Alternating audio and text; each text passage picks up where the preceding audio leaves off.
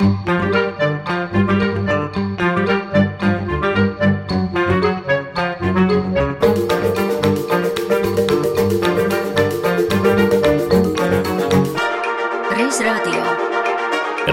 radio ar šodienas skatu pagātnē. Laikraksts Rīts 1934. gada novembrī. Atklāts spīkeru konkurss Latvijas radiofonā. Sacensībā var piedalīties personas ar nobeigtu vidusskolas izglītību, latviešu tautības, vecumā no 25 līdz 35 gadiem, pārvalda vēl vismaz vienu svešvalodu - angļu, franču vai vācu valodu, un prot brīvi lasīt visās minētajās valodās. Kandidātus pārbaudīs valodās, dikcijā, atjautībā, literatūras, mūzikas un tautas dzīves pazīšanā. Latvijas radiofona pirmsākumos pirmais programmas pieteicējs bija radioorķestra dibinātājs un diriģents Arvīts Pārups. Taču, kā lasām Latvijas radio 75. gadskārtē veltītajā atmiņu grāmatā, tad pārupam nav bijusi vajadzīgā balss intonācija un dikcija, lai runātu pie mikrofona. Un tad darbā par, kā toreiz teica, spīkeri tika pieņemta toreizējā radiofona mašīna rakstītāja Mirdza ķempe. Kā lai satver jūs, garām slīdoša pārsla siltajās lūpās man kūst.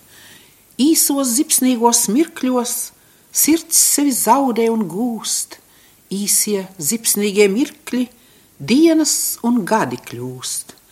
Īsie zipsnīgie mirkļi, nedrīkstu izšķiest jūs, īsos zipsnīgos mirkļos Visa mūžība. Tiesa mūsu arhīvā ir saglabājusies tik padomu laikos ierakstītā dzēnieces smirdzas ķempes balss, bet par ķempes Ādamsonas darba gaitām radiofonā, jo tolaik viņa bija precējusies ar dzēnieku Ēriku Ādamsonu, stāsta literatūras vēsturnieks, rakstniecības un mūzikas muzeja speciālists Andrejs Grāpis. 1926. gadā viņa sāka strādāt Latvijas radiofonā, kā toreiz teica, par mašīnu rakstītāju. Nu, protams, viņas priekšrocība šajā laikā bija tā, ka viņa zināja valodas. Kā vēlākos gados izrādījās, līdz perfekcijai viņa noveda angļu, vācu, franču un krievu valodas zināšanas, kas tolaik jau kaut ko nozīmēja. Nu, arī kā mašīna rakstītāja jau parādījās viņas šis raksturs, ka sarunās viņai bija gana asa reakcija, arī asprātība un vispār tāds, nu, zināms straujums. Kādu laiku viņi strādāja arī radiofonu bibliotekā. Tas saistījās ar to, ka galvenokārt izsniedza nošu materiālus, dažādiem ierakstiem, nu, grāmatas un citus tekstus retāk. No šī laika ir saglabājusies tāda saudabīga anekdote. Kā jau jauna, visai valdzinoša, pat skaista sieviete, nu, un ienāk kāds apmeklētājs un pavaicā, vai var dabūt grāmatu laulības tehnika. Dzēniec viņam ātri un savs atbildējusi, tas jums jāmeklē tehnikas nodaļā. Paralēli šajos gados viņa parādās arī kā tulkotāja. Viņa tulko radiofonu vajadzībām gan dziesmas, gan plašākas operetes, kuras radiofons iestudēja ierakstos. Tie ir viņas tulkojumi. Un par dziesmu tulkošanu vēstulē Erikam Adamsonam viņa saka tā. Kādi tad ir honorāri? Tā dabūja 5 latus par angļu tulkojumu, 20 no trelles un vēl 5 dziesmas iztulkojusi Feldmanim. Valdemārs Feldmanis ir režisors un dramatisko uzvedumu daļas vadītājs Latvijas rādafonā. Un ko nozīmē šis te dziesmas? Tie parasti ir pazīstamu un populāru šlāgeru latviskoju. Bet, kas ir interesanti, tur parasti vai nu skaidri apzināmies, ka tā nav nekāda augstsvērtīga dzēja. Parasti nav autora. Bet šajā sakarā savās atmiņās Pāvils Ieviņš atceras, kā ķempes tulkojumam ir bijis arī plaši populārā dziesmiņa par manu mazo mērkaķīti. Manu mazo mērkaķīti, nepaliec ķel vientulītis vien pastu. Noglāstīšu tavu galvu, pieglaudīšu tavu spalvu, došu kaut vai mazu bučiņu.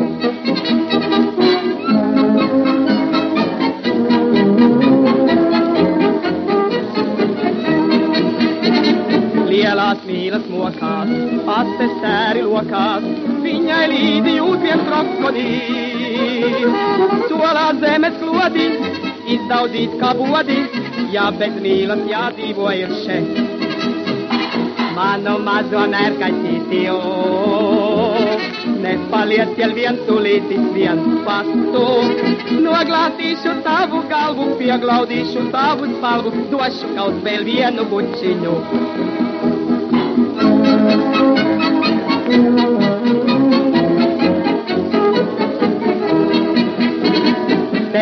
Kādā dienā, mērkaķīte viena, kautrīgi starp krūmiem tuvojās.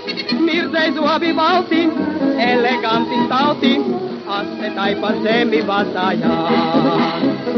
Manu mazo mērkaķīti, o, nepaliec jau viens tulītis, viens pastu. Noglāstīšu tavu galvu, pieglaudīšu tavu spalvu, došu kaut vai divas bučiņas. Un te tādi daži izraksti no vēstulēm. Ķempa Ādamsonam. Feldmanis man iedeva tulkot opereti Bal im Savoj mēneša laikā, bet varēs jau varbūt arī ilgāk. Es pamazām viņu tulkoju un ierakstu notulkotās dziesmas, kuru ir daudz. Kad pārbrauksi, varēsi notulkot atlikušas.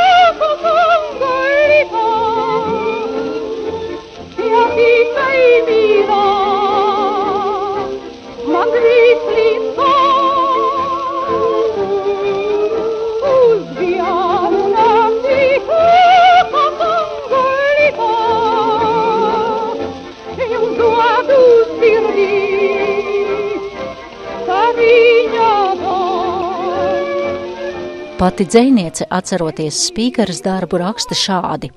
Darbs mikrofonā man ļoti patika, jo biju sakaros ar mākslas pasauli.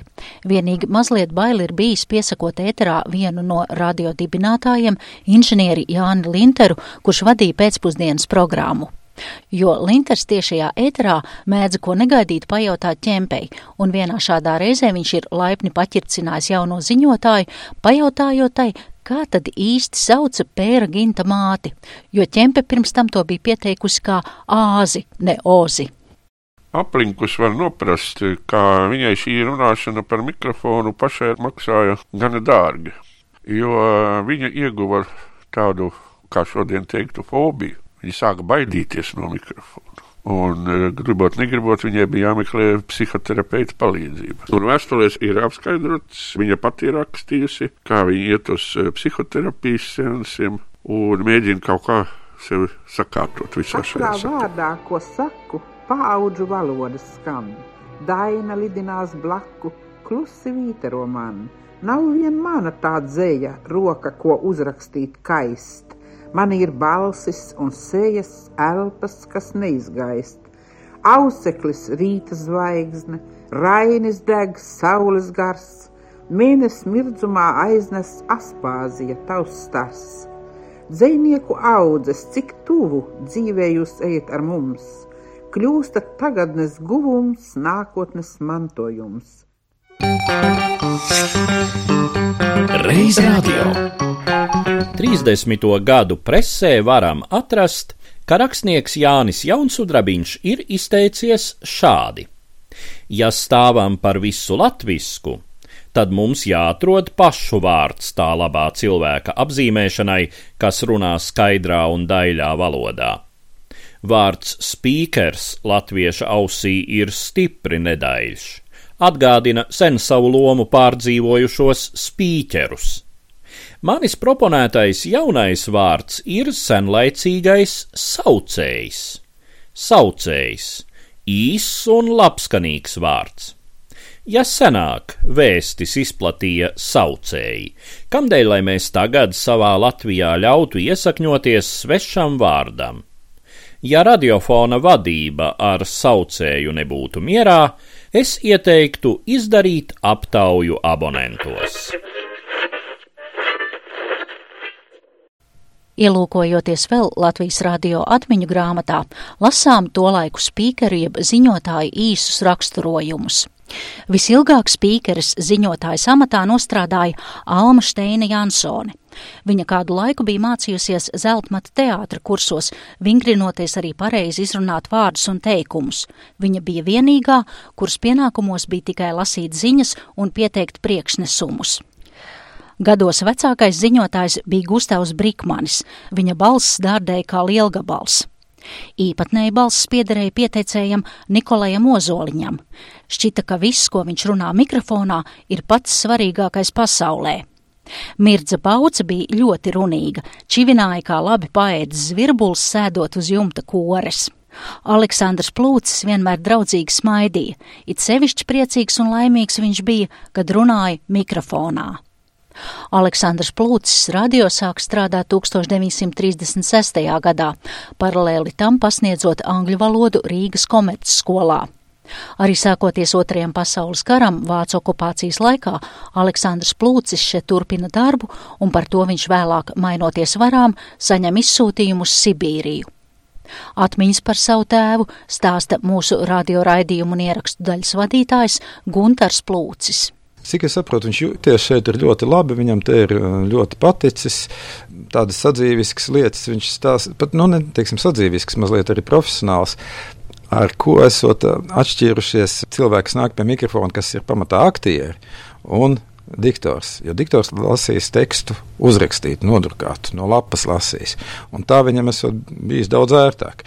Turpretī aktieri, ierunājot tekstus, viņi nekādīgi nesat varējuši izlasīt un tā sakarīgi labi nolasīt no lapas. Viņš vispirms no lapas iemācījies to savu tekstu un pēc tam tā kā lomu norunājis. Tas ir tas, kas man ir iespiedies atmiņā.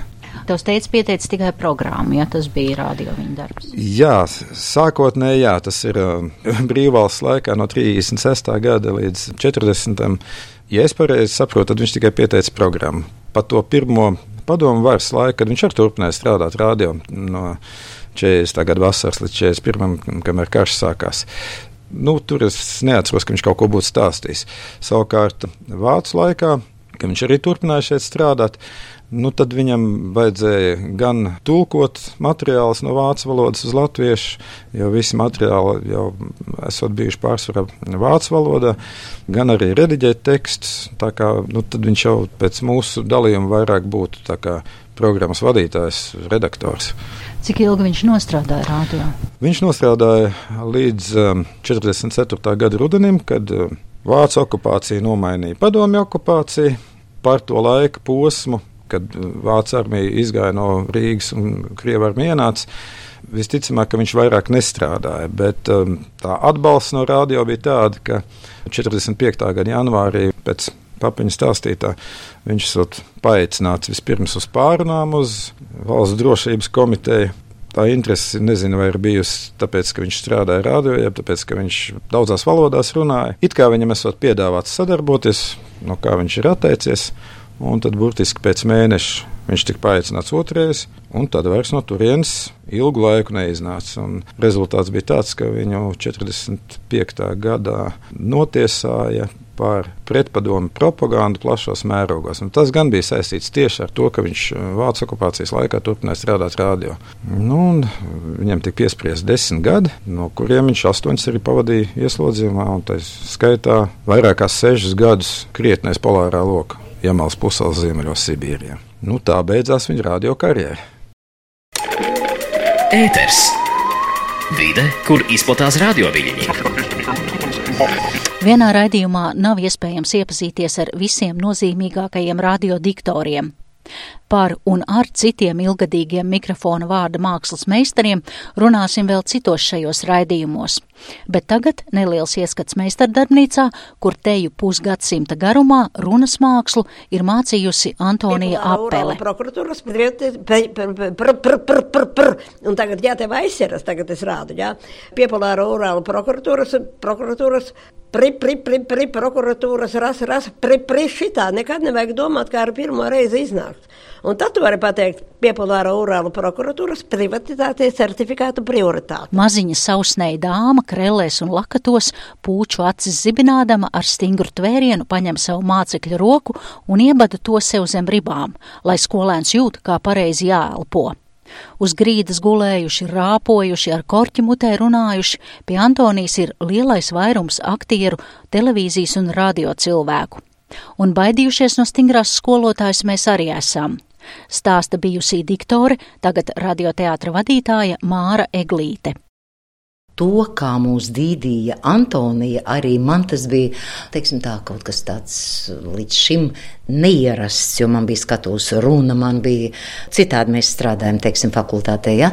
bet šeit, kad mēs jau nolasījām ziņas, tad jau mēs jau ar šausmām gājām augšā uz diktoru istabu, jo Antonija jau sēdēja jau, jau ar zīmuli rokā, jau bandūra lielā bija jau kaujas gatavībā, jo visas ziņas kādreiz tika rakstīts. Kas ir lielā bandūra kaujas gatavība? Skaidrojums radio klausītājiem, mūsu profesionālais žargons. Jā, tas, tas ir lielais magnetofons. Lenšu. Lenšu magnetofons. Un Antonija jau sēdēja pie šī magnetofona, un mums bija jāņem zīmuls, mums bija jāņem papīrs, jādala lapu uz divām daļām. Tad sākās analīze. Un interesantākais ir tas, ka citu kļūdas jau tu ļoti labi dzirdi, bet tas jau tev netraucē pašam tās kļūdas arī izdarīt. Ja? Un tad tev liekas, ah, nu jā, nu, nu gadījās tā. Ja? Bet būtībā tas, ko Antonija mums ir iemācījis, nu, tas ir uz mūžu, es domāju. Jā. Kā saka, to, ko ar savām metodēm viņi mums iedzina iedzina. Es nebaidos teikt šādu vārdu iedzina, jo tur tiešām mēs gājām brīžiem tā kā uz ešafotu pie viņas. Jo mēs zinām, kas būs. Nu, tas bija viņas darbs. Viņa savu darbu darīja ļoti apzinīgi, ļoti mērķtiecīgi. Un tālāk es domāju, ka mēs visi vecie diktori joprojām esam ar diezgan labām dikcijām. Varam runāt, ja ir nepieciešams. Ja? Nu, es domāju, ka tas ir viņas sasniegums. Bet tagad saruna ar pašu Antoniju Apeli un viņas mācīšanas metodēm. Cilvēkam vajag, ja viņš domā, ka viņš varētu runāt uz skatuves teātrī vai televīzijā būt diktors vai kaut kāda raidījuma vadītājs vai radio, tad viņam jāzina, ka vispirms viņam ir jābūt ļoti paklausīgam artikulācijas aparātam, tātad lūpas, žoklis, mute. Otrkārt jābūt labi nostādītai balsī, kuru mēs eh, nesūtam taisnā ceļā no balssaitēm, bet kurai jāiziet ceļš caur rezonatoru. Tur garš ceļš ir. Jo mēs runājam tā, kā mēdz teikt, uz balssaitēm, jā, tad tā balss ir šitāda, tad tā balss ir augsta, bet no balssaitēm mums vajag iemācīties sūtīt to balsi caur rezonatoru. Tātad vispirms, lai mums būtu rezonators, vispirms mums jāiemācās pareizi elpot. Tas ir pats, pats, pats, pats, pats pirmais. Tas skaņus, kas kuram ir un kas nav. Vienalga kādu vārdu, kurā ir s, viens vai divi. Pasaule, pasaule, priekšsēdētājs. Tā tad neaizmirsti, kur tev ir mēle, kur ir jābūt mēles sāniem, kad mēs izrunājam skaņas, un kādam ir jābūt mēles galam. Esam. Nu, tad lūdzu parādiet. Tā tev ir labs. Kura ir grūtākā skaņa, jūsuprāt, latviešu valodā? Es neteiktu, ka tā ir grūtākā skaņa, bet tā noteikti ir visgrūtāk. Nu, to izrunāt ir sarežģītāk. Jā, tā skaņa ir ar nebalsīgiem līdzskaņiem, un tā ir. P vēl nekāds, bet ar st. Un jā, pēc tam str, jā, ar to ir ļoti grūti. Straume. Redzi paklausies pati, un tu dzirdēsi. Dažreiz mikrofonā viņš mazliet vairāk ieskanis nekā dabā. Jā, nu man bija viena aktrise, viņa jau tagad arī ir aktrise. Viņa ļoti labi spēlēja, man ļoti labi spēlēja. Bet galvenā sieviešu varone, jā, kā tās meitenes lomas izpildītāja, viņai bija tā, tagad viņai jautā partneris, un ko tu tagad darīsi, un viņai jāpaskatās strādāšu, jā. Visi pieņēma izrādi un, un labi pieņēma, bet pienāk tas skats, viņa tur sarunājas, jā, tas dialogs viņiem, un ko tagad darīsi? Trādāšu. Un ko tagad darīsi? Strādāšu. Es teicu, mīļā, man nu, lūdzama, izrunā taču to s. Es ar viņu pastrādāju, un viņa no visas sirds vēl strādā. Un tik un tā, līdz ko viņa iet izrādē, viņa izrādē ir, ko tagad darīsi, strādāšu. Nu, tad man nekas cits neatlika. Uzstādīt vienu ļoti bargu noteikumu. Es teicu, mīļā, nu dari, ko gribi. Nāc pie manis kaut nakts vidū, lai mēs savestu kārtībā to stru. Man cits nekas neatliek, kā tev pateikt, ja tu vēl nākamajā izrādē strādāsi, uz nevis strādāsi, tad es un tagad pasaki tu, kas ir lielākais biedrs aktierim, ja viņam pasaka. Atlaidīšu. Jā, nu daudzi saka, ka tad es tevi noņemšu no lomas, un es saku, nē, nemīļie. Tas nav tas lielākais biedrs. Bet vislielākais biedrs, mīļie, ir es tev uzlikšu dublantu.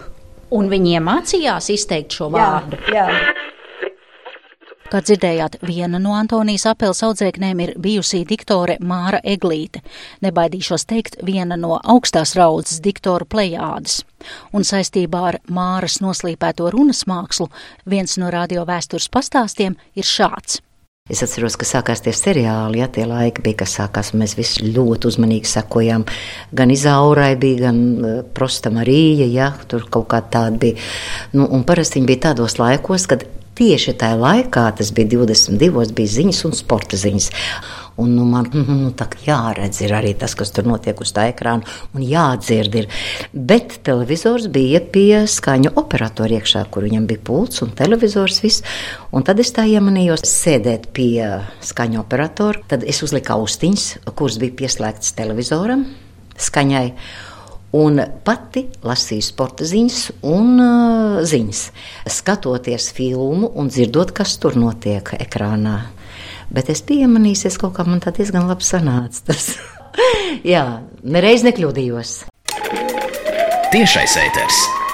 Tava pārteikšanās izskan publiski. Paldies par atmiņu stāstiem, saku saviem kolēģiem, Latvijas radio raidījumu un ierakstu daļas vadītājam Guntaram Plūcim, radioteātra vadītājai Mārai Eglītei, runas mākslas pasniedzējai Antonijai Apelei un literatūras vēsturniekam Andrejam Grāpim. Radio vēsturē ielūkojās Zane Lāce. Reiz radio.